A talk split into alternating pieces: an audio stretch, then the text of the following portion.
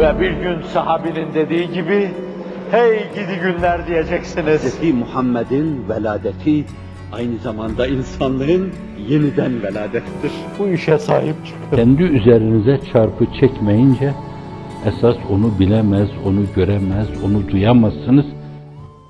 Bir kere başta insanlığın iftihar tablosunun insibağı öyle bir mahiyeti ulviyeye sahibiydi ki hani insafla bakınca ön yargısı yoksa birinin şartlanmış değilse Abdullah İbni Selam gibi sadece çehresine bakmak yetiyordu.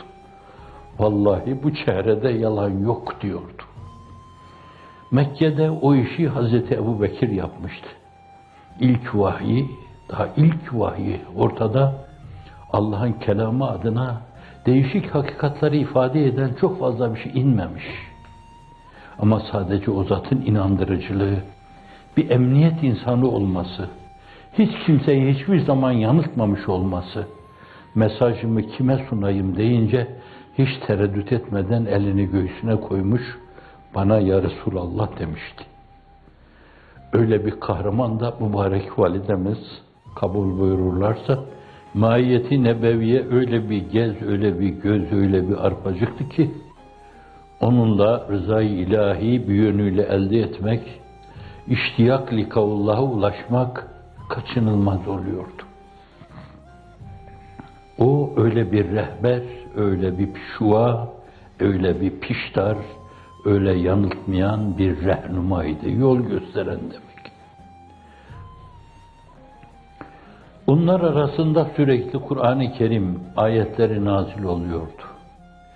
Kur'an ayetlerinin sağanağı altında toprağa dökülen tohumlar gibi adeta o muhitin kuvve-i imbatiyesini yanlarına alarak o güneşin bir yönüyle şuağı olan o kameri münirin nurlarını yanına alarak onun etrafında birer hali haline gelen o insanlar sürekli vahyi sanayıyla aranıyorlardı. Vahiy sadece inmekle onlara mükellefiyetlerini anlatmıyordu. Aralarındaki muhavereleri, yapmaları gerekli olan şeyler, yapılan bazı şeylerin tasihi, yapılan bazı olumlu pozitif şeylerin takdiri, sürekli onlar kendilerini o sağanak içinde kendileriyle çok alakalı olarak duyuyorlardı. Esbab-ı nüzul düşünün. Falanın falan işinden, filanın filan işinden, falana falan gö yol gösterme adına, filana filan yol gösterme adına sürekli sema bir yönüyle, bütün gözleriyle, semalar üstü, hakikatül hakaik, bütün onlara müteveccihti. Onlar kendisini bu görüp gözetmenin altında görüyor, buluyorlardı.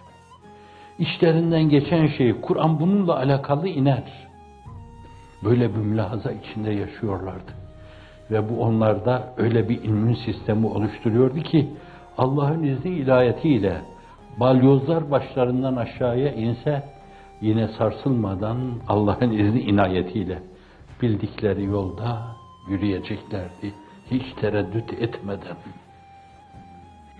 Allah Resulü'nün sallallahu aleyhi ve sellem sunduğu mesajlar, o güne kadar gelen mesajlar nurlarını neşredi ede bir yönüyle belki nötrleşmiş, tesirlerini kaybetmiş veya tayire, tahrife uğramış, kıymet harbiyeleri gitmiş. Aklının mantığını kullanan insanlar belli şeyde bazı şeylere ulaşmışlardı. Hanifler vardı. Fakat bilemiyorlardı. Zatı baht nedir acaba? Şu unatı Rabbaniye nedir? İtibaratı Subhaniye nedir? Sıfatı Subhaniye nedir? Esma-i ilahi nedir? Dünya nedir?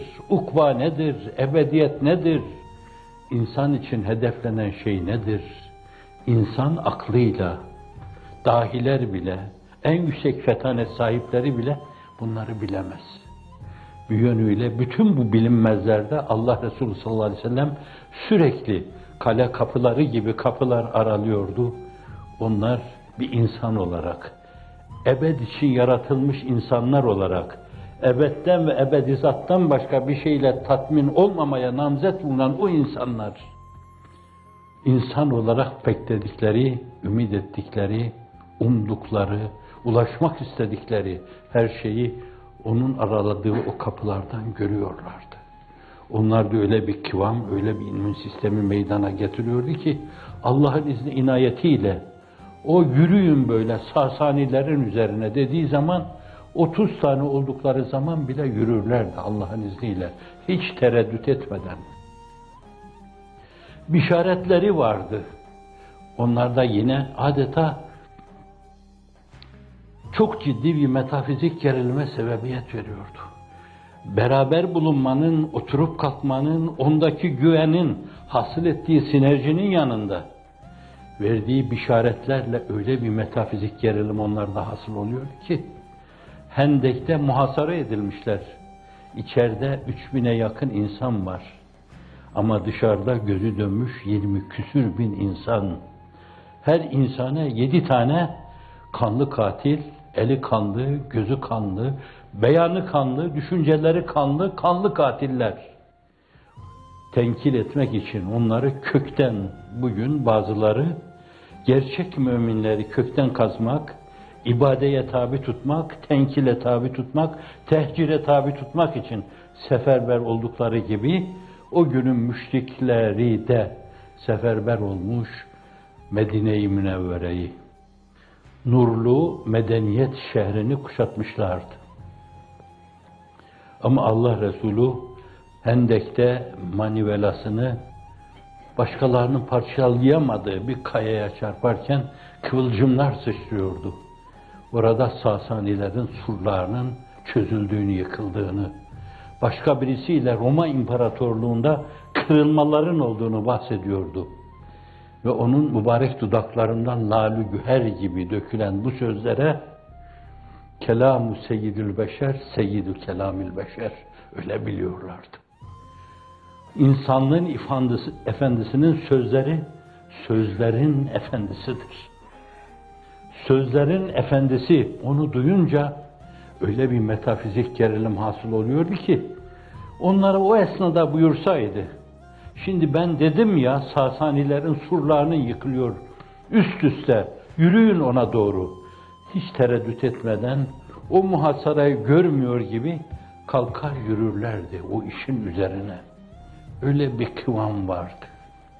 Evet o zata onu kullanmamış, o tabiri kullanmamışlar. Kıvam mürebbisi diyebilirsiniz. Evet, kıvam kahramanı diyebilirsiniz. Enbiya'ya kahraman denmez. Fakat bazı evsaf adına söylenebilir.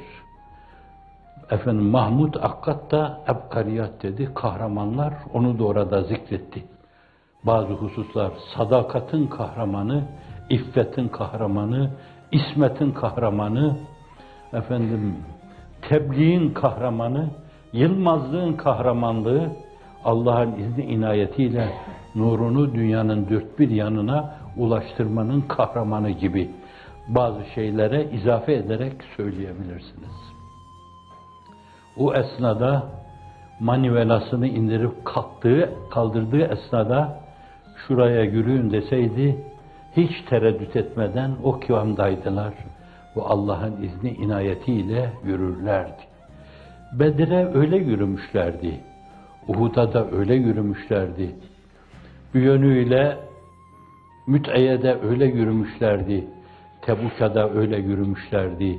Yermuk'a da öyle yürümüşlerdi. Ve aynı zamanda Perslerin üzerine de öyle yürümüşlerdi tereddüt etmeden. Thank you.